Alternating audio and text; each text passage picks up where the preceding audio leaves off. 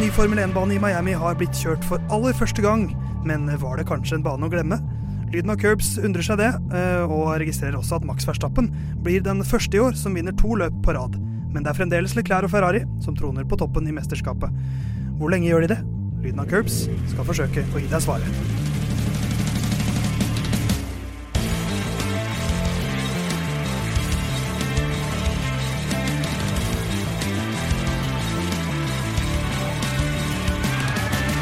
Og der var lyden av Curbs på plass igjen. eh, Ditt favorittprogram og din favorittpodkast om Formel 1 på Radio Nova. Theis er tilbake i øret ditt etter Miami Grand Prix, som vi skal gå nøye gjennom i dagens episode. Vi skal også se litt på hvem som eh, har etablert seg som førstefører i årets sesong. Og så skal vi jaggu ha et lite reisebrev fra en av våre gutter som er i utlandet nå.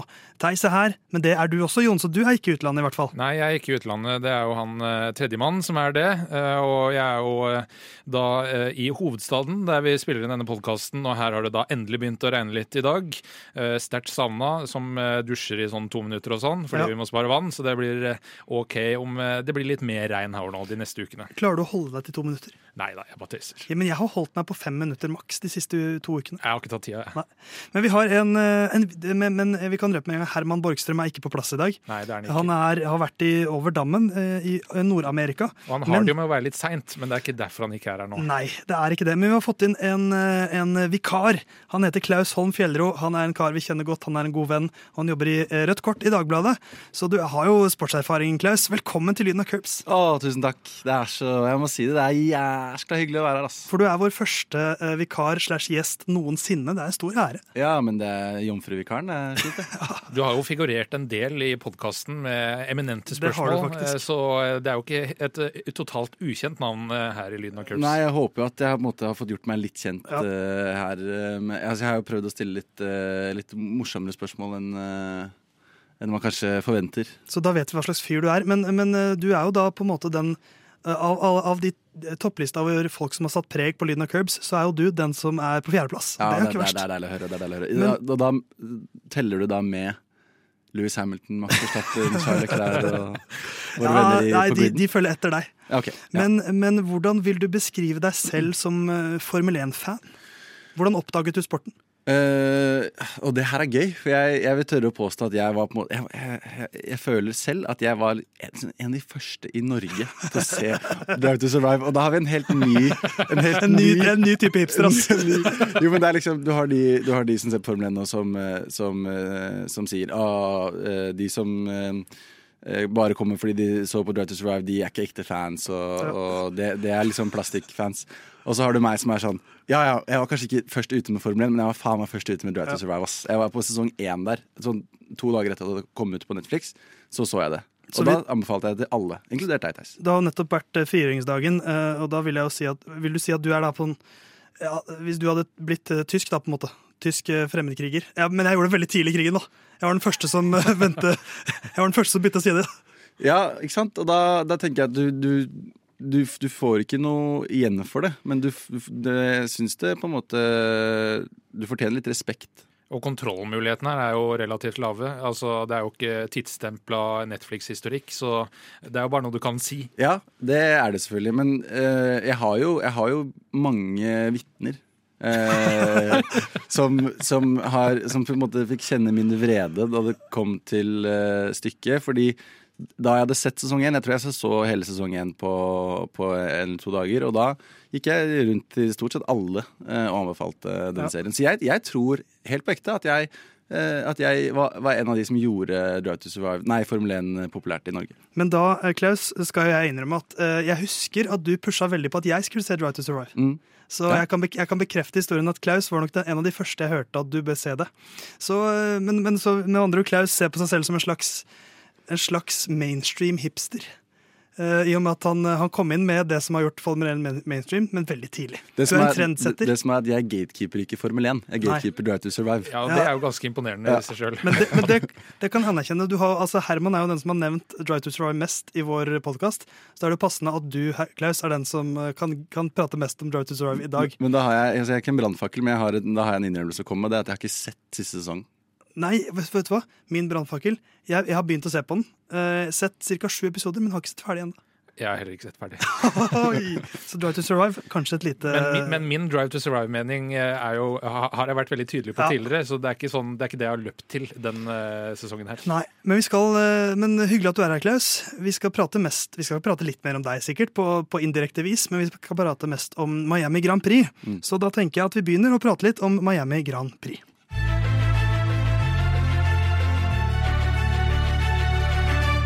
Da tar vi fatt eh, på Miami Grand Prix, som de sier over there. Over there. Eh, Løp nummer fem for sesongen. Eh, Det blei en ja, Vi kan jo ta det siden om det blei en veldig morsom eller litt kjedelig affære. Men vi har jo et konsept her i Lyden av Curb, så vi oppsummerer disse Formel 1-løpene på ett minutt. Jeg har gjort en elendig jobb så langt. Jeg har enten gjort det altfor raskt eller altfor langsomt. Herman har truffet ganske godt, og du, Jon, har fått oppgaven denne uka. Ja. Og du ligger også godt an i starten her. Ja, Så får vi se om jeg klarer å følge opp eh, med å ligge på eh, mer eller mindre 60 sekunder. Så da, Jon, eh, sier jeg Da skal jeg bare eh, finne fram stoppeklokka på, eh, på klokka mi. Meta, altså. Og så Ja. sier jeg, Jon, er du klar? Jeg er klar. Da sier jeg oppsummer med Grand Prix på ett minutt. Klar, ferdig, gå. Når Formel 1-sirkuset drar til eieren Liberty Medias hjemland, svikter ikke superlativene når de selv skal beskrive løpet. Under det største sportsarrangementet i verden ble primært kjendiser uten noen forbindelse med sporten vist fram. No Racing ble vist likevel, og under kvalifiseringa sikra Ferrari seg sin første front row lockout siden Mexico i 2019. Max Verstappen gjorde en tabbe under sin siste runde og måtte starte P3 bak Carlos Sainz. Under starten fikk de fire fremste en god start, og gjennom sving to klarte Verstappen å tvinge seg forbi Sainz og lå dermed på andreplass bak Leclerc. På runde ni kom han seg forbi, og topphastigheten til Red Bullen gjorde at ledelsen var sikra foreløpig. 30 runder senere måtte sikkerhetsbilen ut da Per Gas Gasly sneia inn i Lando Norris. Det ga en god strategisk mulighet for lavt kvalifiserte Russell, som kom ut på syvendeplass bak lagkamerat Hamilton. De siste rundene var heseblesende med sterkt press fra Leclerc på Verstappen, som klarte å stå imot. Dermed ble det feiring på podiet med konfetti, amerikansk fotballhjelm og anna surr i det første Miami Grand Prix. Ja, Det er ikke så verst, det der, altså, Jon Halvdan. 56 sekunder. Du, du, du dro litt opp, og så tenk, jeg trodde kanskje du skulle gå litt over da du sa Per Pierre Gasli. Ja. Uh, han heter jo vitterlig Per, ikke Per Gasli. Eh, men, ja, per eh, Gasly. men godt levert her, og vi fikk jo da også vite i denne oppsummeringen at ja da, Max Verstappen vant igjen. Um, ja, vi får begynne med, med, med vinneren. Uh, Klaus, vår, uh, vår første vikar noensinne. Eh, imponerende og kjedelig. Er det en måte å oppsummere hans løp på? Eh, og jeg, jeg trodde vi fortsatt snakka om Jon Halvdan. Ja, ja, ja, ja. Imponerende og kjedelig. Det er jo oppsummert. Eh, Men uh, først og fremst Max Verstappen vi snakker om nå. Uh, Max Verstappen sitt løp, uh, imponerende og kjedelig. Ja, det er jo man, det, er, det som er litt sånn synd når man har disse, disse superstjernene da, som er så sinnssykt gode, eh, og i, på en måte mm, presterer løp etter løp, er at når de imponerer så mye, sånn som Max Verstappen eh, gjør og har gjort eh, de siste tre-fire årene, så, så slutter det på en måte å være imponerende på et stadie, og bare blir kjedelig. Eh, for jeg syns jo at hans løp var Det var gøy i noen minutter, og så slutta det å være gøy. Så det var, det var jo en, en forbipassering i, han hadde i starten. Han, han begynte jo veldig bra, Jon, eh, og etter en tredjeplass fra kvalik, der Ferrari imponerte veldig. Um, Men så ble det jo ganske åpenbart etter hvert, for meg i hvert fall, at eh, her har Red Bull høyere race pace. Ja, og det var jo eh, da den eh, topphastigheten til Red Bull eh, De har jo litt sånn filos forskjellig filosofi, Ferrari og Red Bull, på når det gjelder setup av bilen. Ferrari er litt bedre i svingene, men Red Bull er litt til ganske mye bedre på langstrekka, altså topphastighet. Og det viste seg å være avgjørende for Verstappen, for han dundra forbi med DRS, og klarte likevel å holde stand mot Leclerc da han fikk DRS både påfølgende runde og også da etter eh, safety car eller sikkerhetsbilen kom ut eh, senere, eller mot slutten av løpet. Eh, Og så er jo jeg selvfølgelig litt biased, da, men jeg vet ikke om jeg vil kalle det kjedelig at han gjør det så bra, for han måtte jobbe for det, spesielt starten av løpet i, i dag. Det var den mest imponerende delen av løpet. Ja. For Verstappens del, spør du meg. Ja, absolutt. Og det var, det var ikke noe sånn eh, Hva skal jeg si? Eh, albuene var litt ute, men det var ikke noe ufint eller noe sånt. Det det var var veldig innenfor. bedre, bedre eh, racecraft enn eh, eh, Science der på starten. Og det syns jeg eh, jo gjør at det ble liksom i hvert fall eh, en spennende start på løpet. Eh, og så er det jo selvfølgelig noe tellende for eh, løpet i seg sjøl at oppsummeringa til eh, Formel 1 på YouTube eh, sin eh, løps-highlights, så er det runde 9, og neste som skjer er runde 39. Men, men det er jo en av de største um, Altså, hvis jeg skulle kritisert noe først med det løpet her, så er det regisseringa. Fordi jeg tror det var spennende eh, ofte eh, foran der. Men eh, vi fikk jo Vi fikk jo søren ikke se det. Det var jo han, Leclerc nærma seg jo flere ganger hvis du så på fulgte med på deltaen der. Men, men du får ikke se det. Du skal se Hva, hva var det du fikk se? Noen kamper på midten der? Ja, det var mye fokus på litt, eh, litt andre ting, eh, men eh, Hvis jeg, hvis jeg kan få liksom et kritisk eh, 15 sekunder her, så er det De har mulighet til å vise picture in picture med et sånn T-cam-bilde over føreren på sida. De bruker det kanskje to-tre minutter i løpet av halvannen times sending. Jeg skjønner ikke. Bruk muligheten. Nei, det er, eh, det er en del der som kan, eh, kan hukes tak i. Men hvis vi ser på, hvis vi huker eh, litt ekstra tak i Max Verstappen, da, Klaus. Han, han har jo enten fullført eller Altså enten fullført først, eller fullført uten å fullføre. da. Brutt, som andre vil kalle det. Eller ikke fullført. Ja, Så han bryter jo dette, denne, denne, denne rytmen vi har hatt så langt med Leclerc og Verstappen som vinner annenhver gang. Kan dette være liksom et punkt i sesongen der nå suser Verstappen av gårde? Det er jo uh, veldig tidlig å si ennå, selvfølgelig. Jeg, eh, Politisk korrekt svar. Nå skal jeg, uh, uten å høres ut som jeg um, driver med for mye snikskryt, så kan jeg nevne at jeg, jeg prata med Atle Gulbrandsen tidligere i uka. Og også fra en annen podkast. Og da uh, nevnte han noe som jeg syntes var ganske interessant, og det var at eh, Mercedes nå gjør ganske store og drastiske endringer på, på bilen sin. og og man vet jo aldri med Mercedes, og jeg tenker at Ferrari gjør sikkert noe av det samme nå som de ser at eh, Red Bull begynner å, begynner å kanskje mm, få sakene litt på, på, på greip. Og da skal man ikke utelukke at eh, Red, både Red Bull og Mercedes eh, kommer til å være med å kjempe helt i toppen sammen med Max Verstappen. Og at jeg tror vi har mange spennende løp i, i vente, selv om eh, Max Verstappen nå har vært eh, relativt dominant Ja. siste to. La oss håpe det. Men det, det, det, som kunne, det som er en litt sånn skjult historie her, Jon, er at det kunne fort ha blitt en, eh, en Red Bull dobbeltseier her. For Peres hadde ganske store bilproblemer gjennom hele løpet. Ja, og det er liksom litt sånn symptomatisk for de to lagene her, at Red Bull sliter litt mer med bilen, mens Ferrari-førerne sliter litt mer med å krasje. Eh, For de har jo mista mye poeng på det, mens eh, eh, Peres hadde noe problem med en sensor på motoren som de da måtte kutte ut. og Han mista rundt 25 hester etter de fikk liksom løst opp i det. Pluss de, da, de syv sekundene han tapte på i perioden til de fikk problemløst det. Ja. Og da, uten det, så er jeg altså 100 sikker på at dette hadde vært 1-2 uh, Ja. Red Bull. Og, I hvert fall 1-3. Han var bare to sekunder bak Science til slutt, vel. ja, og jeg tror, uh, gitt at løpsutviklinga ble lik ellers, eh, så hadde det da han kjørt forbi Leclerc under, etter safety car. Og den toppfarten til Red Bull uh, som de viser på strekken her, den må jo eh, Leclerc og Science og Ferrari å få gjort noe med. Ja, og For det er et stort problem i en DRS-tung sesong fortsatt. ja, og Skys eh, Martin Brundle uh, sa det at eh, Ferrari De har jo nesten ikke kommet med oppgraderinger, det har Red Bull gjort. Og den neste oppgradering burde nok for de være å prøve å kvitte seg med noe av eh, litt mer drag, sånn at de er mer kompetitive også på langstrekket. fordi eh, sånn som det er nå, så gjør de det bra i kvalifisering, men blir i hvert fall med langstrekk, bare vent til Baku f.eks., så er, det, er de helt sjanseløse på langstrekket. Ja. Hvis vi ser eh, ned mot altså Nå har vi sett på Ferrari og Red Bull. Eh, eller vi kan, jo nevne Carlos Sainz, Klaus. Han, eh, han trengte en opptur her etter å begynte sesongen OK med andre- og tredjeplass, og så to uh, brutt varianter på rad der. Og så litt sånn shaky kvalik, eh, eller på trening var det kanskje. Eh, men ja, Trening. Ja, på trening, ja, selvfølgelig. Eh, Men kvalifiserte jo bra. Men så blir han nummer tre til slutt. Så han får en opptur her, da, men han er fortsatt ganske solid bak eh, Leclerc. Ja, og jeg tror eh, det har sikkert noe med selvtilliten hans å gjøre.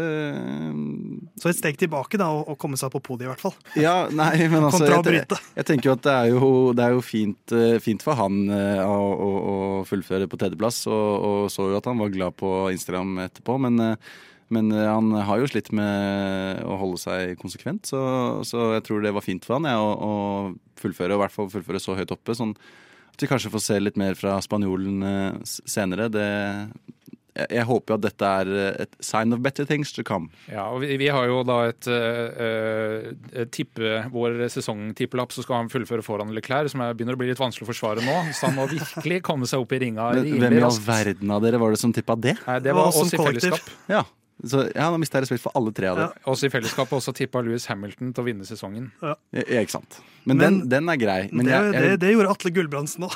men jeg, ja, men jeg skal, vil dere høre min uh, altså jeg, hadde, jeg hadde bare en uh, Jeg hadde ikke konstruktør, jeg hadde bare vinneren av VM, som jeg hadde sett Ja. for meg. Og det er Leclerc. Ja, det var ja. før første løp. Ja, ja, det, det ser jo lovende ut, men, eh, Hvis vi men avslutter sesongen nå, så ja, da fikk du riktig, Klaus. Ja. Men ja, vi får se, da. Men, men jeg, vil bare, jeg syns det er kult at jeg har At jeg gjetta en underdog, og så, og så leder han. Ja. Eh, Ferdig nok med du er kjempeflink, Klaus. Gratulerer. Skjønner at du har fått fast jobb i Dagbladet. i. I et stikk, et stikk jeg eh, prøver å liksom si, starte et stikk med å si at jeg skal ikke ha så mye Jeg prøver ikke å, å snikskryte. Så klarer jeg å gjøre det to eller tre ganger. Men det er ikke snikskryt, det er vanlig skryt, Klaus. ja, okay, ja. Eh, nå har vi skrytt litt av Max og av eh, de i toppen. Eh, jeg tenker vi skal kikke litt nedover på resultatlista eh, ganske snart. Fra eh, de første til de eh, ikke siste, men de som var litt bak de aller første. På femte- og sjetteplass George Russell og Louis Hamilton. Eh, George Russell er han i ferd, eh, Klaus, med å bli Formel 1-sesongens svar på fetter Anton. For maken til heldig gutt med, når det kommer til safety car. ja, det kan du si, Han kan, men han kan eh, lokke fram en safety car. Det var jo sånn, altså, Hva var det race engineeren sa til han? At eh, bare fortsett så lenge du klarer, så håper vi på safety car. Så går det tre runder. Safety car. Jeg får jo eh, begynner jo å tenke på Crashgate med Fernando Alonso. At uh, de uh, har gitt uh, Gasly eller Norris noe penger for å For Lincoln, Mercedes og Alfa Tauri de har veldig sterke Ja, forbindelser. men det er det du ikke Men, ser. men Lincoln, Mercedes og McLaren Mercedes er jo Ja, men det fordrer jo at Norris At, at vi skylder på Norris, ja. Ja. Jeg vet det. Og Men, det gjør vi ikke. men, en, Men ja. eh, en imponer- et imponerende løp av Russell som kjører seg veldig, veldig bra opp fra tolvteplass, men er jo da ekstremt heldig her, Jon, med, med den safety caren. Men hvis vi, hvis vi ser litt på Mercedes som helhet, så er de jo veldig klart tredje raskest her gjennom, eh, eh, gjennom helgen i Miami. Ja, I hvert fall tredje best ja det, til slutt. Det kan du ikke si noe på. Nei, det kan jeg ikke si noe For på. eh, Lewis Hamilton leverer jo også et veldig godt løp her. Ja, Men det, det var en foran de som leverte et veldig godt løp, som nok hadde, nok hadde beholdt den eh, femteplassen eh, Kommer tilbake til han. eh, hvis eh, han ikke rota det til mot slutten. Eh, Mercedes, eh, de Jeg har ikke sånn veldig troa på at de klarer å snu det her eh, veldig raskt. De hadde, lå jo da øverst eh, da vi avslutta eh, andre trening. Eh, Men trening betyr jo som kjent absolutt ingenting. Eh, og under kvalifiseringa så sa Russell at han ikke skjønte noen ting av bilen, og røyk ut i Q2, kvalifiserte P12. Eh, og eh, Toto Wolff, som er løpssjef i Mercedes, har også uttalt at de utelukker ikke at de skal gå tilbake til første spekk, altså første utgave av bilen med ordentlige sidepods, hvis det viser seg at den ruta de har gått ned nå, ikke er mulig å få, få noe løsning på. Og det er seigt, altså. Når du, er, når du er fem løp inn i sesongen, og så bare back to square one. Ja, da kan du jo selvfølgelig bruke det på å gi deg et fortrinn eh, fra neste sesong, men det er jo ikke noen vesentlige endringer planlagt. Det blir nok noen små justeringer i reglene fra neste sesong, men da ligger de jo fort vekk et halvt år bak de andre i eh, utvikling. Så eh, det begynner jo å haste litt for Mercedes å få løsning på hvis det er denne ruta de skal gå eh, nå. Eh, altså, jeg mener jo at i konstruktørmesterskapet, kanskje førermesterskapet, glem det. Ja. Det, er, de er ikke med der i det hele tatt. Og hvis det er noen som vinner da, så er det Russell, for han leder jo eh, eh, har ganske mange flere poeng enn Hamilton, og tok også flere poeng denne runden. Han har eh, 23 poeng på Hamilton og eh, fortsetter da denne streaken sin med å være topp fem, som han har vært i hvert eneste løp eh, denne sesongen. Men eh, Jon, du, eller vi kan, jo, vi kan jo ta han som ble nummer fem, eller som burde blitt nummer fem, kanskje. Forvalter For Valtteri Bottas eh, kjører nok et kanonløp, altså. The, Flying Finn kvaler i P5 og lå an til å bli nummer fem. Gjorde en feil mot slutten og endte da på sjuendeplass. Men, eh, men Klaus, eh, det er jo veldig gøy å se Bottas i, i grooven igjen. Ja, så er det Vi hadde jo en samtale her for, altså, da det var låt, om eh, at dere er så begge to så fiendtlige mot badstue. men eh, Stemmer det. Det tror- liker jo Herman og Bottas. Ja, jeg, men jeg tror mye av hemmeligheten uh, ligger der. da. At han, ja, han får nok badstuetid, og får, på en måte, han har fått svetta ut de der uh, giftige tankene han uh, satt igjen med etter Mercedes-exiten. Ja. Og jeg tror det er gøy for han å, å ligge foran Louis Hamilton en liten stund der, og, og, og ta han litt, da. Ja, han hadde jo, Jeg mener jo han hadde fullført eh, P5 hvis ikke det var for eh, safety car eh, mot slutten der.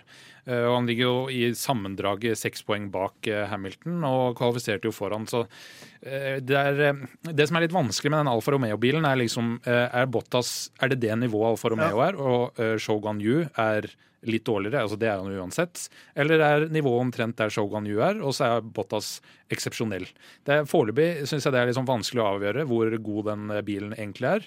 Eh, Men foreløpig har eh, Bottas fått ut det han kan av den, og jeg syns han har Ja. vært veldig imponerende hele Det sesongen. må jo, det må jo være at bilen er såpass bra. Han, Ja, kan, Bottas kan- i Mercedes eh, var, var grei, liksom. Han var ganske bra. Men Men, selvtillit er viktig, og han var knallgod før han var i Mercedes. Og, og Ja. jeg, jeg, jeg tror nok at det er en bil som er lettere å kjøre, at den er lettere å makse potensialet til enn det Mercedes sin er. og så er det jo ufattelig mye mindre press på, på Ja, skuldrene Og det er ganske vesentlig, det òg, tror jeg. Tror det å ikke måles opp mot Louis Hamilton nok har mer å si. For den ble beskrevet som on rails, eh, eller på trikkeskinner om du vil, den eh, Mercedesen.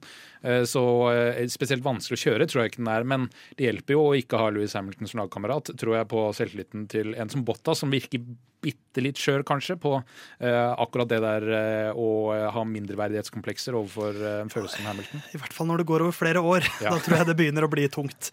Men bak Bottas følger, eh, følger jo eh, også noen som imponerte denne, denne løpshelgen. Vi kan jo ta med Ocon på en litt kjedelig åttendeplass, og, og Lance Stroll får seg poeng. Men eh, Alex Albon i Williams eh, med rødt hår tar to nye poeng. Ja. Så han fortsetter å vise at han eh, også kanskje har funnet litt mojoen sin tilbake i, i et miljø med litt mindre press. Ja, det ble jo en liten gavepakke fra uh, Alonso som ikke klarte å la være å kjøre inn i biler. Men uh, uh, uansett veldig imponerende. og spørsmålet her igjen da er jo hvor dårlig er Williamson? For vi vet at Latifi ikke er verdens beste fører. Det gjorde vi jo klart også forrige, forrige sending. Men Albon får uansett maks ut av den Williamson. Eh, Og vi skal snakke litt om Aston Martin, så har jeg et spørsmål hva i all verden er det de driver Ja, på hva med? skjedde der? De kom inn med Lawrence Stroll, eh, den store helten til Herman. Eh, Hva syns du om Lawrence Stroll egentlig, Klaus? Åh, jeg uh, har en sånn uh, så jeg har Du var den første i Norge som så Lawrence Stroll. jeg, har en, jeg har en sånn dyp respekt for, for mannen, selv om jeg, selv om jeg misliker typen. Ja, ok. Så, Men, altså, jeg syns han er skikkelig sånn litt, sånn, litt ekkel. Han er Men- jo båndskurk. Ja. Men samtidig så er han sånn jeg hadde, Hvis jeg hadde sittet rundt middagsbordet med han, så hadde jeg holdt kjeft til han prata til meg. men det bilprosjektet hans funker ikke helt, Jon. Nei, altså, de kasta ut uh, Ottmar Safnauer, han som nå er team principal uh, i uh, alpin, rett før sesongen. Og siden har det bare vært et totalt kaos. Og nå klarte de da å ha for lav temperatur på drivstoffet på bilen Stemmer. før løpet, så de måtte tømme bilene for drivstoff og dermed starte fra pit lane. Altså, De er, eh, de er nest sist i konstruktørmesterskapet. Så uh, Lauren Stroll, enten så må du kaste han sønnen din ut av bilen, eller så må du finne på noe annet. Men det er ikke Lance Stroll sin oppgave å minne dem på å Nei, men- kjøle ned bensin. Men det er Lauren Stroll sin oppgave å sette inn riktig person til å lede laget. Det er punkt én. Punkt to, det er hans feil, hvis man kan kalle det feil, at Lance Stroll er en fører i det laget. Det er det. Eh, og det var også hans feil at de bytta ut Peres med Fettel.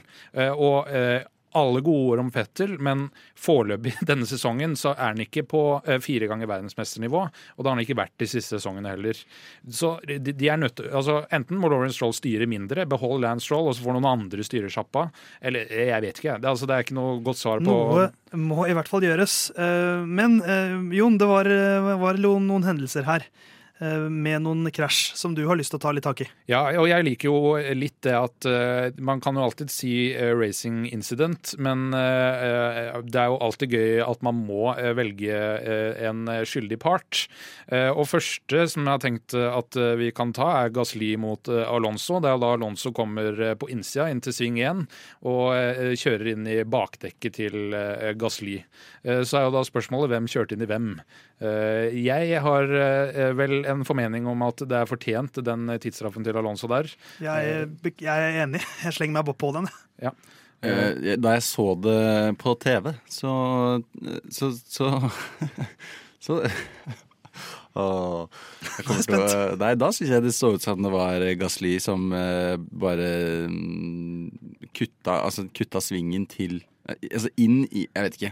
Jeg føler ikke han ga plass, men det, jeg så det ikke, men han fikk jo straff. Så, ja, og, altså Alonso, altså. Poenget mitt, da, og, som er nok derfor han får straff er at Alonso var ikke i nærheten å ha innsida på veien i svingen der, men han bremser mye seinere, og da er det plutselig en bil inne ja. på høyresida. Uh, og det var ikke et ærlig forbikjøringsforsøk, det var for seint. Og uh, er, jeg mener det er Alonso sin feil. Og så er jo Gasly da uh, kort tid etterpå, sannsynligvis som en konsekvens av den Gasly-Alonso-uhellet da, så Eh, er han i Hornålsvingen eh, langt ut, kommer inn igjen, kikker ikke i venstre speil, og så er plutselig Norris der. Og Norris mister dekket, og eh, safety car er ute der. Og der, her mener jeg at Uh, det er, dette er ikke 100 Gasly sin feil, syns jeg. Nei, men det er i hvert fall 69 Gasly sin feil. Uh, for, ja. for det, det også man skal notere, her er at han, han, er ute i svingen der. Ja, det er riktig. Og så går han, går han inn på uh, han, han, sitter, sitter og han, sitter snakker og, han, snakker rett og slett i telefonen. passende nok. Uh, og da tror jeg han glemmer Fordi da er du fort, da er du multitasking. Og da, ja, ja. da er du opptatt av å melde om at nå skjedde det noe her. Ja, for du hører faktisk uh, oi, oi, og så dekk som uh, så jeg, skriker og Så jeg, jeg, tror det er kombinasjonen av den første feilen, og så skal han gå på race radio. Og da glemmer han litt å følge med. Men, men jeg mener også at Norris her Og jeg skjønner at han ikke vil kjøre på den skitne delen av banen, men jeg mener at han kunne unngått ved å kjøre litt lenger til venstre for en bil som allerede kjører sakte. Nei, nei, nei. Det er klink Gasly sin feil. Det er Uansett man, hvordan man vrir og vender på det. Du, du, du, kjører ikke inn igjen på banen. Eh, og det, det, er som å det, altså det, det er som å du skal, du skal inn på motorveien. Du eh, kommer fra ja, samme det, innkjørsel, og så legger du deg rett i venstrefila med en gang uten å sjekke speilet. Det, det, det funker ikke ja, sånn. Men han legger seg ikke rett i venstrefila. Ja, men, ja, men du kjører i 300 km i timen, og så sitter du og snakker i, med, i teamradioen, og så Nei, nei, nei. Du, som Formel 1-fører så skal du do better, liksom. Ja, jeg, jeg, mener jo at det grid-straff Jeg vet ikke hva som er uh, resultatet av uhellet. Jeg mener jo at det er Gasly sin feil, men jeg mener at Norris kunne gjort sitt for at det ikke hadde blitt noe av. Men da, det, det Norris kunne gjort, var å senke farten eller øre altså, Det er lurt i Formel 1-bil. Senke farten. Eller valgt et annet uh, spor, og da hadde han jo tapt. Han kunne kjørt lenger mot uh, Men det var, det, var, det var, jo ikke han som Det var jo ikke han som uh, Det var jo Gasly som gjorde en feil. Men da tenker jeg at jeg, jeg bestemmer som programleder at, at den derre ops som han hadde på slutten der, er ganske avslørende. For det betyr at han så ikke Norris komme. Mm. Ja. Så den, den, legger jeg på Gasli. Altså. Og, og, den holder ikke i Formel 1. Nei. Du kan ikke si 'jeg så han ikke komme'. Men så er det jo da eh, siste som jeg har tenkt at vi skal snakke litt om. Og det er jo da eh, far-sønn eh, Fettel Schumacher eh, mot eh, slutten der. Åh, den er vond. Ja, den er veldig vond. Det er som når du er ute på øvelseskjøring, og så vraker gutten din eh, bilen din. Og da må du, du, du kan bli sint, men du må liksom være litt sånn pedagogisk også. Ja, her mener jeg vel kanskje at det er far, jeg da, som ikke For her Det er jo for så vidt ganske likt som Alonso Gasly inn i svingen, men her er Schumacher mer på sida av Fettel, mens Fettel virker og ikke ikke kikke i speilet og bare synge inn som om det ikke er noe bil der. Ja, ja den, den, eh, den, hendelsen her, eh, skal jeg være helt ærlig, så det løpet her, det var tamt. Det var tamt, så, jeg skal vi snakke mer om etterpå. Det her var et, eh, et, et, et, punkt i løpet hvor jeg ikke fulgte helt med. Jeg, jeg, var også sånn og fikk med meg denne situasjonen. Jeg, var, jeg, ga litt F, for jeg var sånn Det her er jo bare trist. Jeg orker ikke å ta noe stilling. Men, men jeg, jeg erfarer vel at sånn Ah, jeg syns den, den, Det er mer race incident for meg, men ja. men ja. Det ble eh, race incident, eh, men jeg syns det er fascinerende med radio, med Schumacher som sier ja, nei, det var vel min sving, og Fettel bare å, nei, jeg trodde ikke det var noe der, ja, ja, jeg tror løpet er over. Men hvis det hadde vært to andre førere, eller at noen av de hadde krasja noen andre enn Fettel eller Schumacher, så hadde tonen vært noe hardere. Men det er jo fint at man fortsatt kan se litt på vennskap, da. Vi skal se litt på tipping, vi, ganske straks.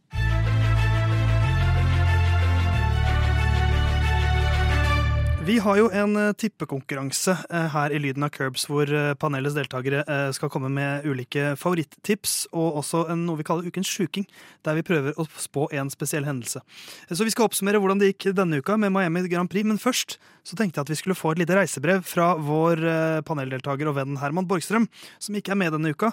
Han er i USA, men selvfølgelig ikke i Miami. Det gadd han ikke.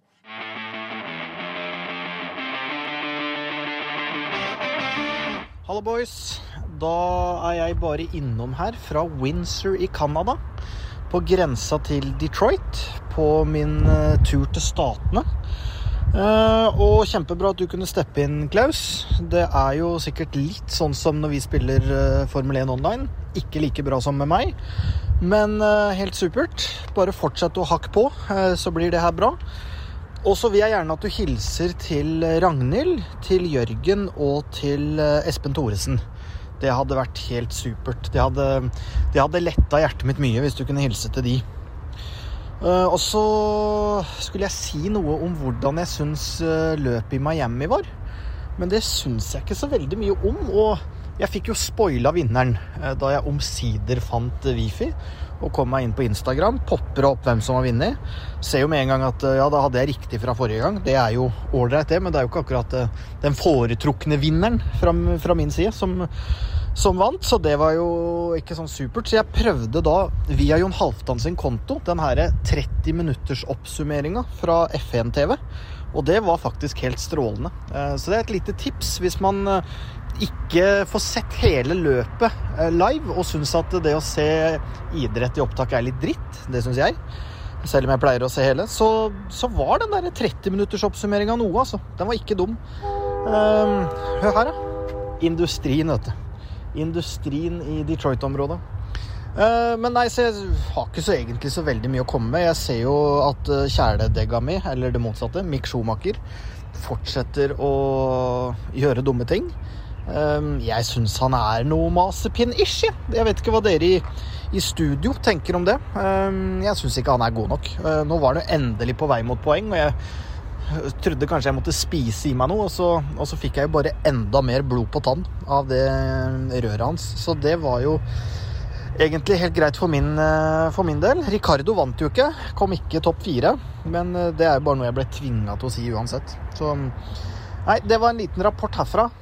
Takk for det, Herman. Uh, vår guy over there. Håper han kan finne seg et enda mer vindfullt og trafikkert sted til neste opptak.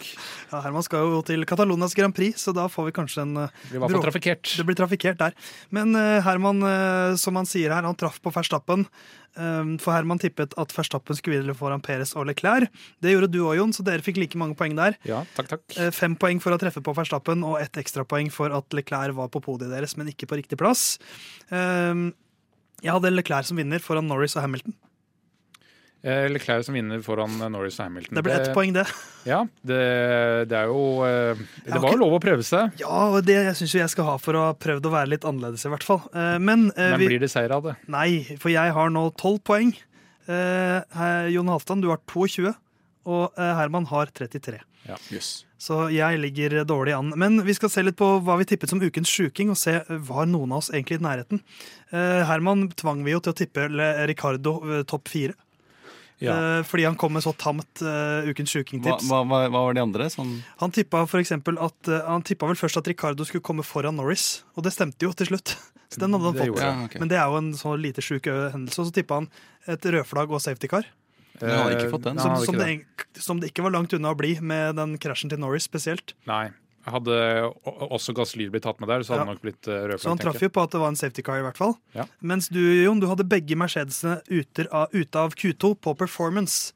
Og du traff jo halvveis, du òg. Ja, jeg gjorde det. 50 vil Ja. si eh, ganske nærme. Altså, Hamilton var ikke så nærme å ryke ut der, men eh, Russell hadde ikke sjans. Nei. Eller sjans og sjans, han gikk vel ut med sånn å- å- 800 deler. Ja. Mens jeg hadde Red Bull miste podiet eh, med dårlig pitstop. Ja. kan, jeg, kan jeg bare før, kan jeg bare si eh, Rødflagg og safety car, større sjuking enn begge Mercedesene ut av Q2? Ja, ikke i årets sesong, syns jeg. Ikke på en ny bane som er en, eh, en, eh, en Street. street circuit. Og så er det, hører du også med i denne konkurransen, Klaus, at den som leder, holdes til en høyere standard. Okay. Vi har strikkeffekt, sånn at eh, Herman må ta litt større sjanser på ukens sjuking enn det jeg for eksempel egentlig, egentlig kan. Men jeg er jo den som som regel tar størst sjanser. Han får snart godkjent Det fullfører minst ti førere. Ja. Ja, for det er ikke ofte jeg tar Her Hermans parti, men, eh, men her så, så jeg, Her mener jeg faktisk at uh, rødflagg og safety car er, er en fin en, altså. Men eh, nok om det. Ja, Det spiller ingen rolle. Eh, Og, men din var jo litt modig, Theis. Ja, jeg er den modigste som alltid jeg, også den med færrest poeng.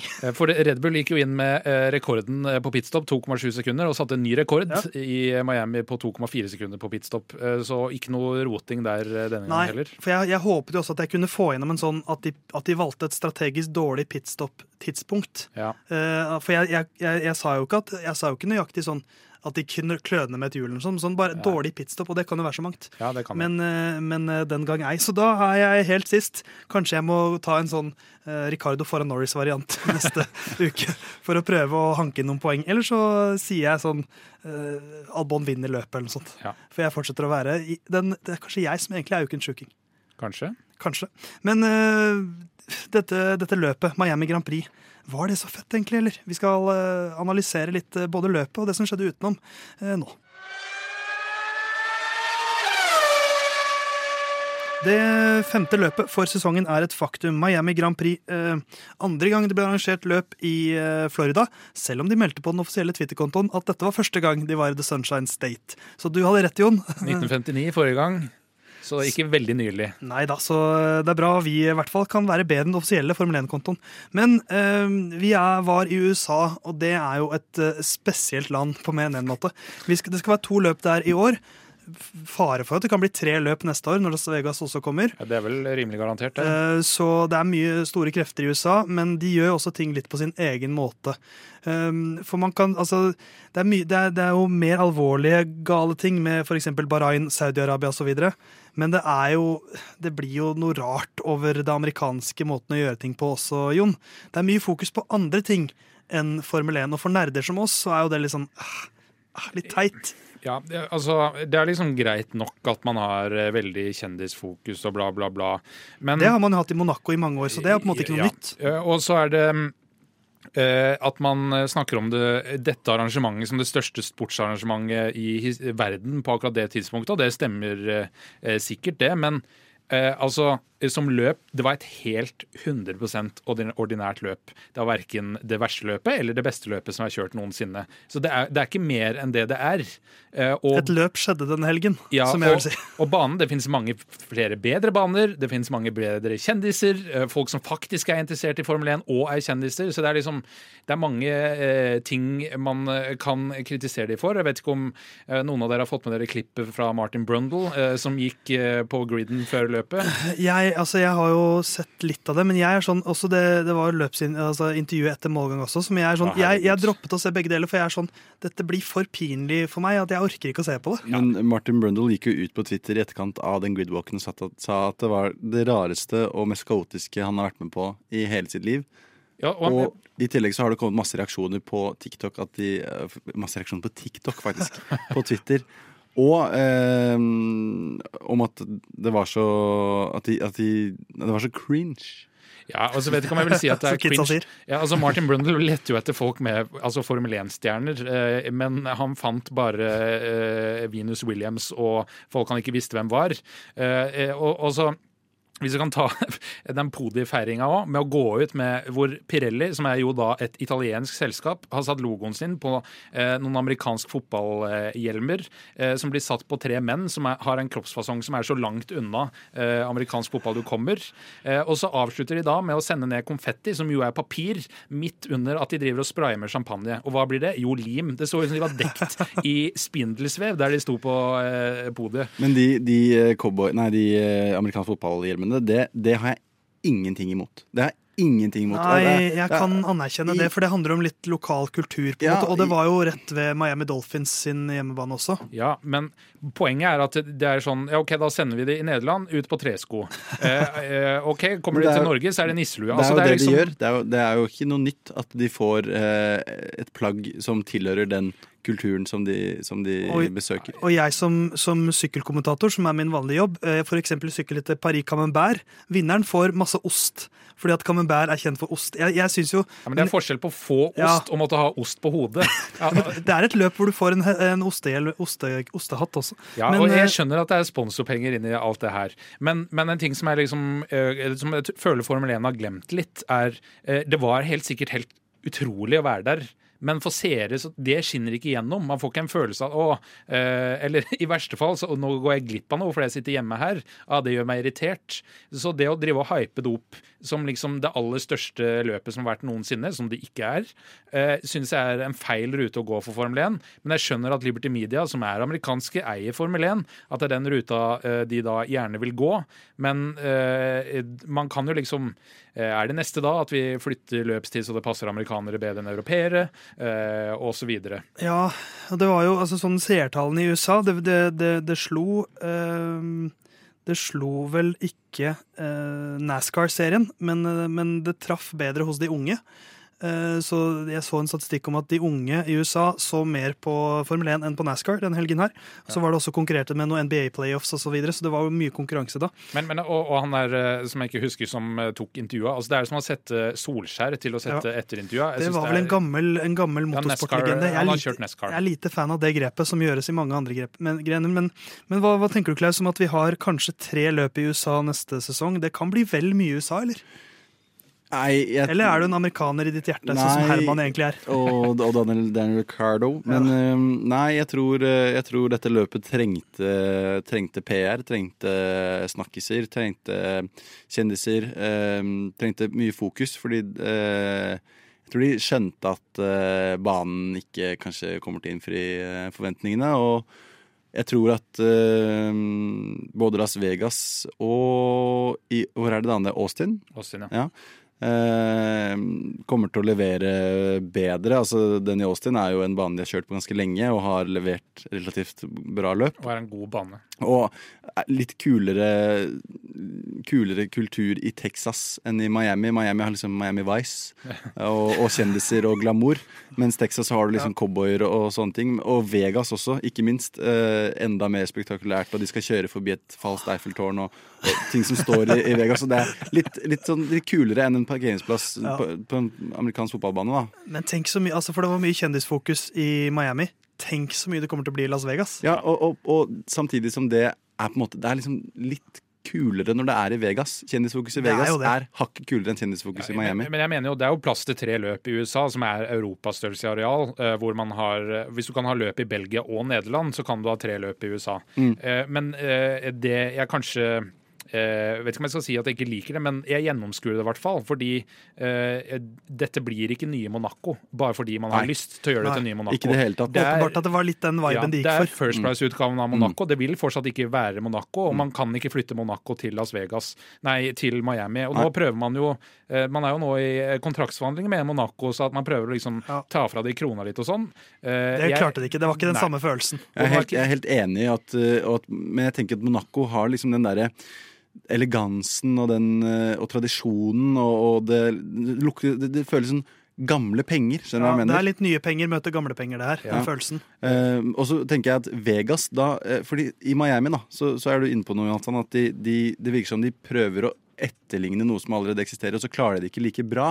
Mens i Vegas så har jeg tro på at de kommer til å få til noe helt nytt. Det er, liksom, det er Las Vegas, det er midt i ørkenen i Nevada. Og, og, og Vegas som er en så kjent by, og de kan gjøre så mye, eh, mye kulere my, De kan gjøre så mye mer ut av det, tenker jeg. Ja, og Det er jo en konstruert by i utgangspunktet, eh, midt, i, midt i ørkenen der. Så eh, jeg tror de har liksom det showmanship litt mer eh, i, innav, under huden i eh, Las Vegas enn i Miami. Også, men tenker også at eh, selve løpet i Vegas, det vet jeg ikke om blir noe bedre enn Miami. Men, men, men alt det rundt, og, og det er kult å kunne s å se Formel 1-bilene kjøre i gatene i Vegas. Det, det Og, nå, og det var, Uansett hvor mye du dresser det opp, så dette var på en parkeringsplass Ja, ikke sant? rundt en eh, amerikansk fotballstadion. Ja. Og Så Las er- Vegas har en X-faktor. Det Mm. har ikke Miami eh, på samme måte.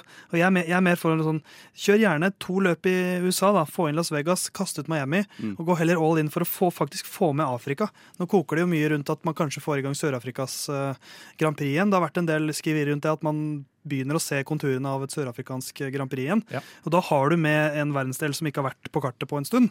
Eh. Gi meg mye heller det enn et sånn kjedelig bak, eh, altså parkeringsplassløp i Mm. USA, som Miami egentlig var. Og Malaysia har dritkul bane. Eh, Få den tilbake igjen på eh, kalenderen. Jeg syns det er veldig synd at den ikke er med. Det føles litt sånn når jeg sitter og ser på Miami Grand Prix Jeg har lyst til å sammenligne det med sånn Hva er liksom den mest kommersie og dårligste hotellbransjen dere vet om? Eller hotellkjeden dere vet om? det, det er jo noe Petter Stordalensk over det hele. Ja, ikke sant? Uh, gi meg et navn, for jeg, akkurat nå så er det, står det helt Choice. stille. Choice. Sant? Uh, hvor det føles ikke de, de, de strever så hardt etter å være en sånn um, luksus Et sånn luksushotell, da. Eller sånn luksus Alt skal være så luksus og fint, og så veit du at det egentlig alt sammen bare er sånn kjempebillig plast. Og det er litt sånn samme viben jeg får fra Miami Grand Prix. At de setter opp en sånn Se så luksus det er, se så, se så eh, f- flinke og fine og flotte vi er, og så føles det bare ikke ekte. Og så Og, og tittelen din er Greetings Manager når du egentlig er resepsjonist. ja, ikke sant? Og så hjelper det ikke at uh, regien på hele løpet var dårlig med på. Det er, det, er som en, det er som en Fjordland-reklame. Ja. At det er sånn, De presenterer det som dette er et nydelig og godt måltid, og så er det, helt, det er næringsverdi i det. Mm. Men det er ikke Michelin-restaurant. ass. Eller Visit, uh, Visit Norway-reklamer. som er- Du, lander på Alle reklamer, egentlig. du lander på Gardermoen, og så ser du grå og triste Oslo på en novembersdag, liksom. Ja, hvis du kommer inn i dag, så hadde du ikke blitt veldig imponert. Men, men uansett, altså, eh, jeg syns eh, Altså, løpet var helt greit. Jeg syns jo at det var ganske spennende. Jeg, eh, Det var eh, nerve i da Peres fikk eh, problemer. Det var litt fighting eh, nedover Ja. der også. De kjørte jo tre, fire, fem biler med en halvmeters avstand der en periode. Men syns vel kanskje at det er noe tellende at eh, det var en eh, eh, start og en slutt på det løpet her uten en sånn veldig midtdel. Så, mm. så vi er ikke Altså, Miami Grand Prix, helt OK, det, altså. Men, eh, men det kan bli litt vel mye USA i Formel 1. eh, Så se litt rundt om i verden, er Liberty Media. Og ikke bare tenk korte, raske penger. Tenk at totalproduktet det er nok det mest verdifulle på lang sikt. Um, Det var litt om Miamis Grand Prix. Vi skal legge det bak oss og heller se litt på Vi skal gå gjennom eh, førerparene og se hvem er egentlig førstefører, og hvem er andrefører i de ulike lagene. En en del inn i sesongen nå.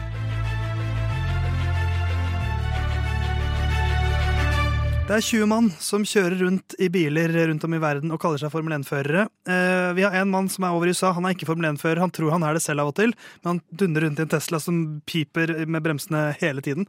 Eh, vi skal høre litt mer fra vår utsendte reporter eh, slash medlem. Herman har et spørsmål til oss.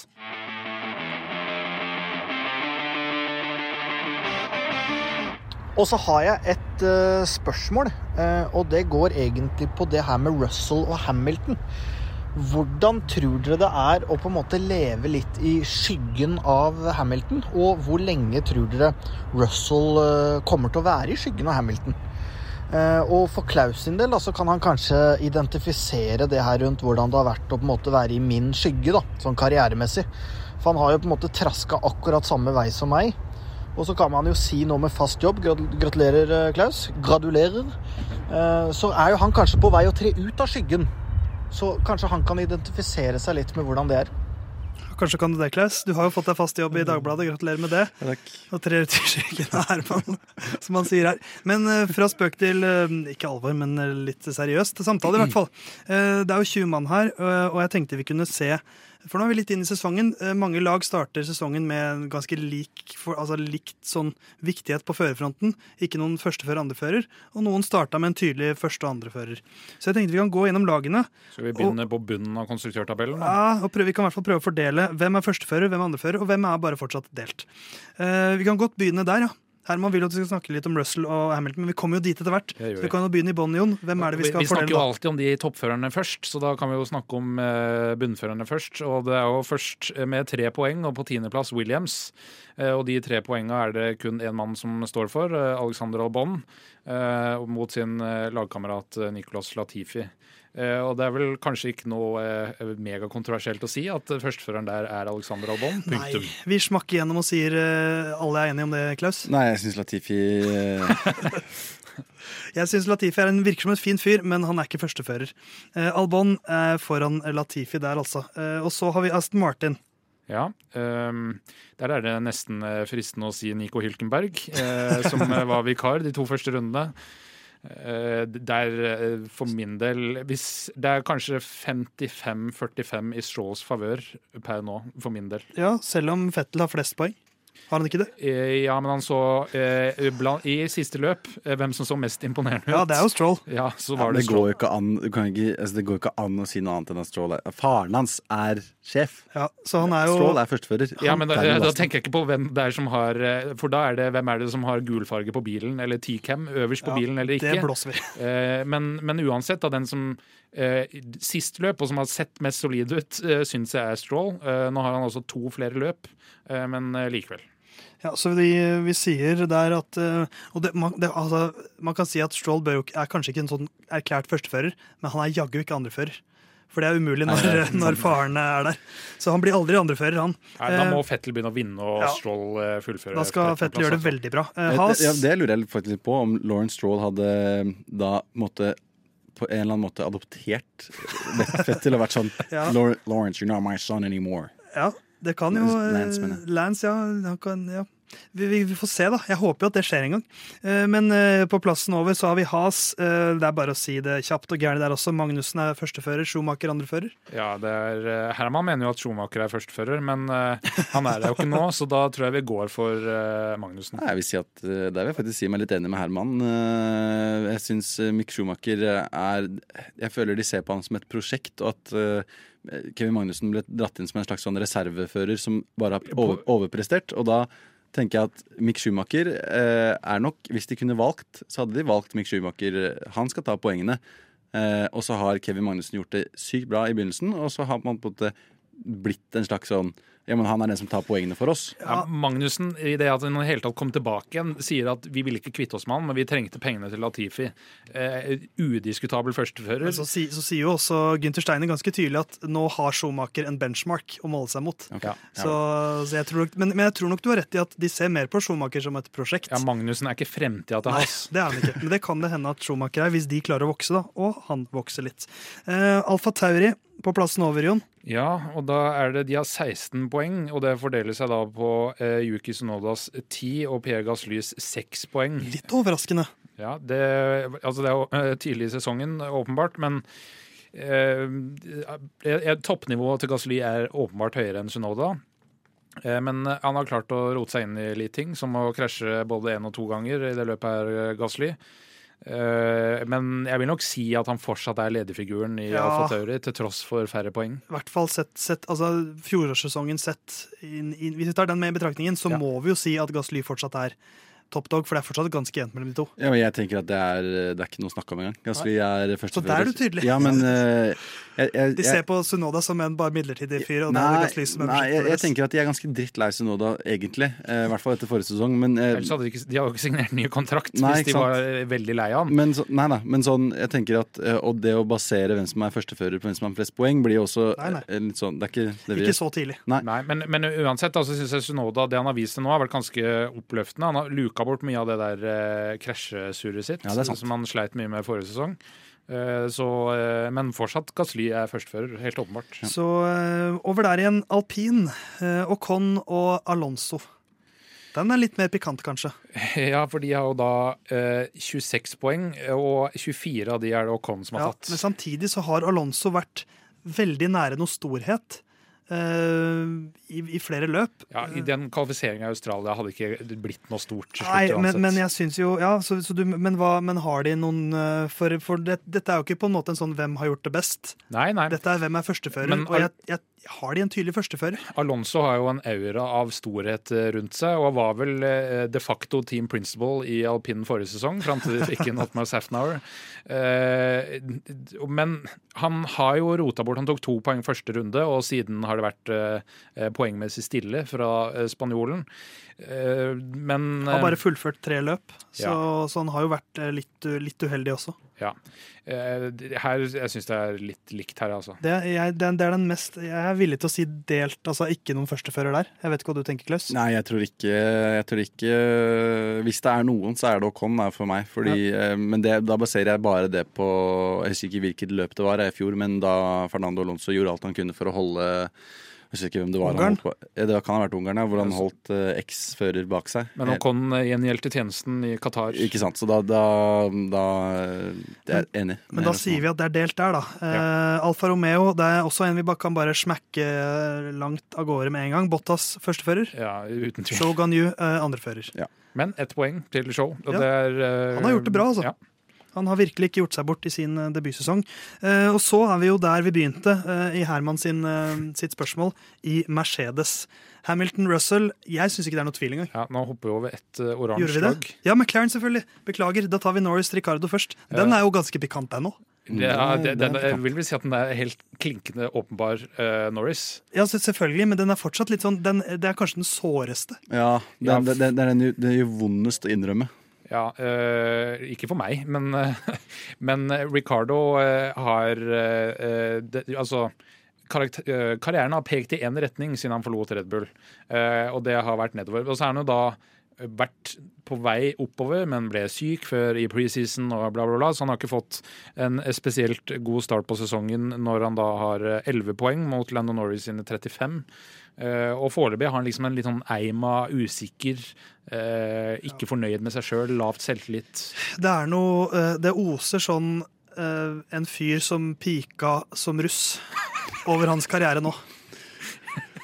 Og som, og som fortsatt snakker om russetiden når han er 28. Ja. Det er litt den, ikke ikke at jeg sier at Ricardo er en trist fyr, men det er litt den type karriere han har nå. Han har jo fortsatt resting teeth face, eh, og han har ikke mista det enda, Men de stilte jo opp med han der eh, James Corden, eh, og har blitt veldig kritisert for det i ettertid. Han er ikke så populær på internett, han Corden. Nei, han er ikke det. Men jeg syns uh, Ricardo uh, han, han passer ikke til å være andrefører i det hele tatt. Og, og det som er litt sånn irriterende med han nå, som jeg bitt meg merke i ettersom det går dårligere og dårligere, eller at det ikke går bra nok, da, er at han fortsatt holder fast ved denne at han er så god.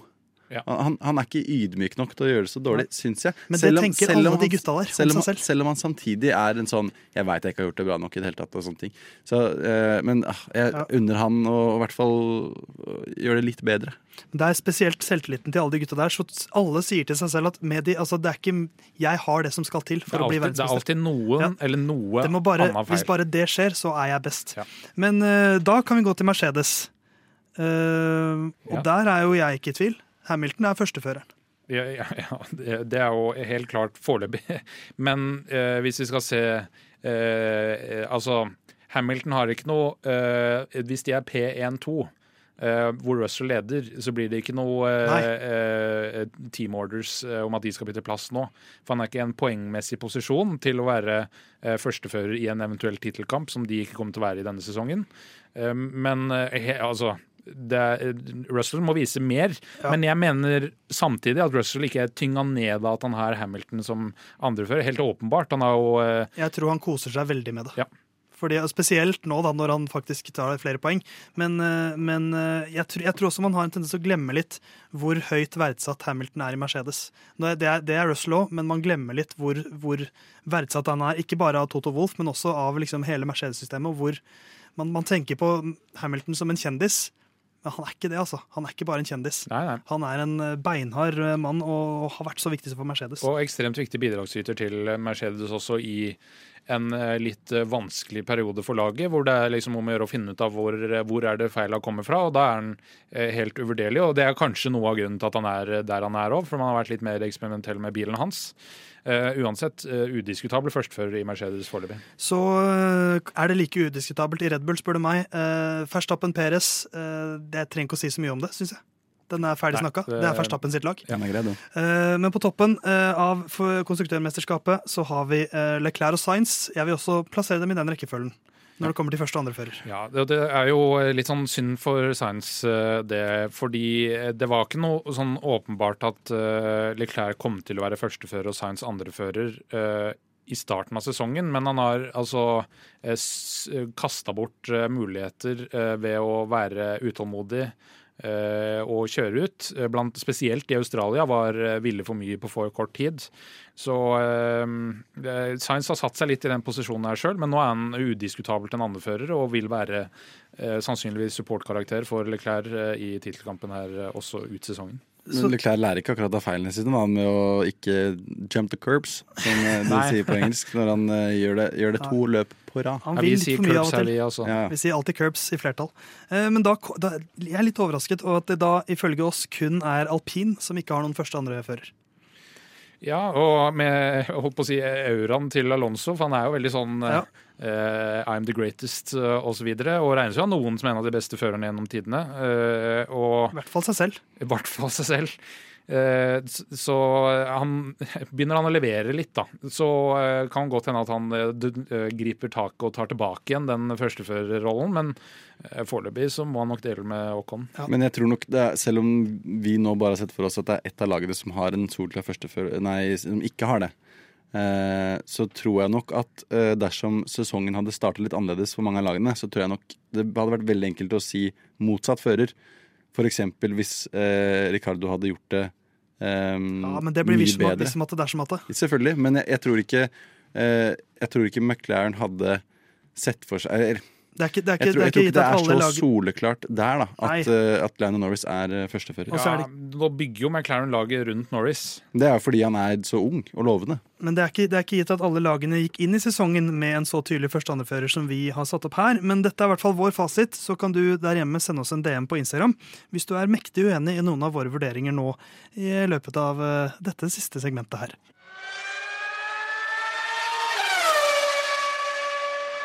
Dagens episode drar seg mot slutten. Eh, Klaus, du har vært uh, vår første vikar. Uh, hvordan syns du det har gått?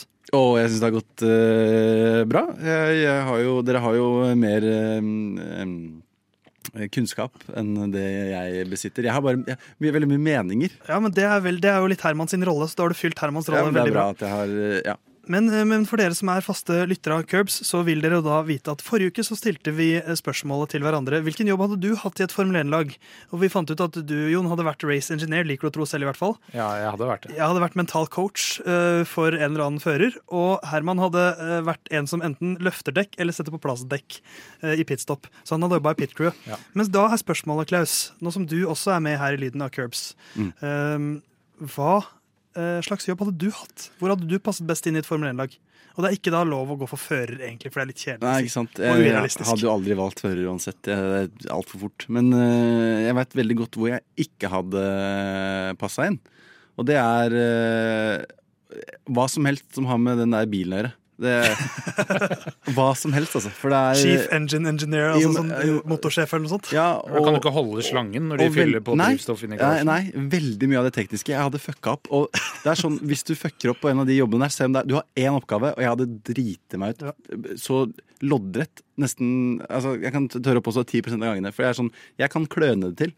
Er du sånn som glemmer melk i frokostblandinga, liksom? Nei, ja, det er sikkert Men jeg er sånn som kan sette, legge nøklene mine i kjøleskapet, liksom. Og så, så hvis, ting, hvis, du hadde vært for eksempel han som skrur på hjulet i pitstop så hadde, hadde aldri gått. Du hadde, vært sånn som, sånn som, han Has-engineer eh, Han som han Has-karen i første episode av Drive to Survive, basically. Som da, når de ikke klarer å feste dekket to ganger så er det vel samme dekket to ganger som feiler. Og, Ja, du, og du ser du han triste som hadde ansvar for det hver gang, som blir så lei seg. Hadde det vært deg hvert eneste løp? Nei, men jeg hadde vært fyren som idet jeg løper ut eh, på, på pitten, eller eh, hva sier man da? Pit, Pit eh, lane. pit lane, Ja. med dekkene, for eksempel, da. Så hadde jeg, så hadde jeg mista det, og så hadde det Så trilla. bouncer du og treffer Sebastian Fettel i huet. eller Ikke noe sånt. sant. så han kjører Eh, det hadde vært meg. Men jeg har to ganske sånn jobber som hadde passa meg fint. Den ene hadde vært eh, å være han som holder vifta og kjøler ned føreren under varme, varme løp. Og da, tre, for da bare står jeg der og så bare holder jeg en sånn, sånn eh, som ser ut som en støvsuger, og kjøler ned føreren. Men du hadde mista den et par ganger sånn Ja. på Carlos Sainz eller noe Og, sånt. og så sitter de og sitter med låste hender, så da måtte jeg ned og grave nedi cockpiten der. Og er sånn, jeg skal bare hente, jeg skal bare hente jeg tar, jeg tar, jeg skal bare ha Ja, takk. Og så fortsette. Så hadde de blitt irritert på meg, så hadde de sagt Klaus, vi må vi, Men, men så får du jo sparke sparken i den jobben, men du ansettes i et annet Formel 1-lag, Ja, men i en annen jobb. Og det er da uh, For da har de funnet opp en ny stilling. Um, okay. Fordi if, Det er 1300 folk som jobber omtrent for hvert Formel 1-lag, Ja, og de må men- finne på en ny stilling. Ja, fordi forrige sesong så, så, så begynte de å eh, vise Eller eh, jo, vise radioen mellom pit eh, lane og dommerne. Ja. Eh, og det er jo ofte de, altså de som sitter med taktikken og sånn, som sitter med det. Jeg skal ikke, hold, jeg skal ikke holde på med noe taktikk og sånn, for det, det er jeg dårlig på. Men jeg skal være den personen som ringer opp til dommeren og klager. Ja, det, Hver gang det skjer noe. Og så jeg sier uh, Not happy with, uh, with how Wettle Vettel handled that turn three. Og så, og så sier de sånn Nei, men det, det driter vi i. Og så fortsetter jeg bare å klage og klage og klage. En sånn irriterende lillebror. Ja. Og det er alt jeg skal gjøre. For det var egentlig mitt forslag også til deg. Nå er jo den eh, direkte kontakten mellom laga og race director eh, ikke lov lenger. Å ja, ok. Ja, men da, Eh, Så du Men hadde vært ute av jobb nå. igjen? Og hvis, fordi jeg syns jo at det var det var mye kontroverser knytta til siste løp, men rent bortsett fra det, så syns jeg den eh, diskusjonen mellom da eh, Det var jo da spesielt Jonathan Wheatley eh, i Red Bull og han eh, eh, Hva er det han heter? Michael Massey? Eh, ja, og James Allison i Mercedes, som snakka med, eh, med race director. Og det syns jeg var eh, ganske festlig radio, egentlig. Så hvis hvert lag hadde hatt en egen sånn klagegutt så hadde det vært meg, og da skulle jeg sagt No, no, no, Michael, this is so not right. Men det, det, det er jo faktisk en eh, klagemottaker nå, da, så du hadde fått snakke med han, Ja. men ikke race director. Og så hadde jeg da også, i tillegg til det, så hadde jeg vært eh, ansvarlig for å komme opp med unnskyldning for hvorfor løpet ikke gikk lagets vei etter løpet. Da hadde Luna fra Viaplay kommet bort. Why did it turn out this way? Så hadde jeg sagt eh, nei, hvis vi hadde hatt eh, dommeren på vår side, og han hadde gitt eh, Lance Roll den straffen istedenfor eh, oss, så hadde vi vunnet løpet. Hvis, ikke hadde vært, hvis løpet hadde vært to runder kortere, så hadde vi vunnet. Så det er løpets feil. Og der er du god, Kles. Og så kunne du også sagt nei, det var en fyr som mista den kjølegreia på føreren vår. Så han skada høyrehodet si rett Ja, ved start. kanskje det, er- kanskje det er sånn jobb man kan kombinere. At man Ja. først sitter med den vifta, og så går man inn på pit lane og begynner å klage. Men uh, da vet vi hvor Klaus er hjemme i Formel 1. Jeg håper vi hører deg igjen her, Klaus, i Lyden av Curbs som ikke så altfor lenge. Vi trenger nok vikar en gang i fremtiden. Takk for følget til deg òg, Jon. Jo, tusen takk. Jeg kommer også neste uke, og forhåpentligvis uka etter der og uka etter der. Akkurat som Theis her også, og som Lyden av Curbs. Uh, følg oss gjerne på Instagram. Lyden av Curbs heter vi der. Og hvis du liker det vi gjør, fortell gjerne en venn om Lyden av Curbs. Så eh, deler du det glade Formel 1-budskap. Vi høres neste uke. Da skal vi se fram mot eh, Catalonia Grand Prix.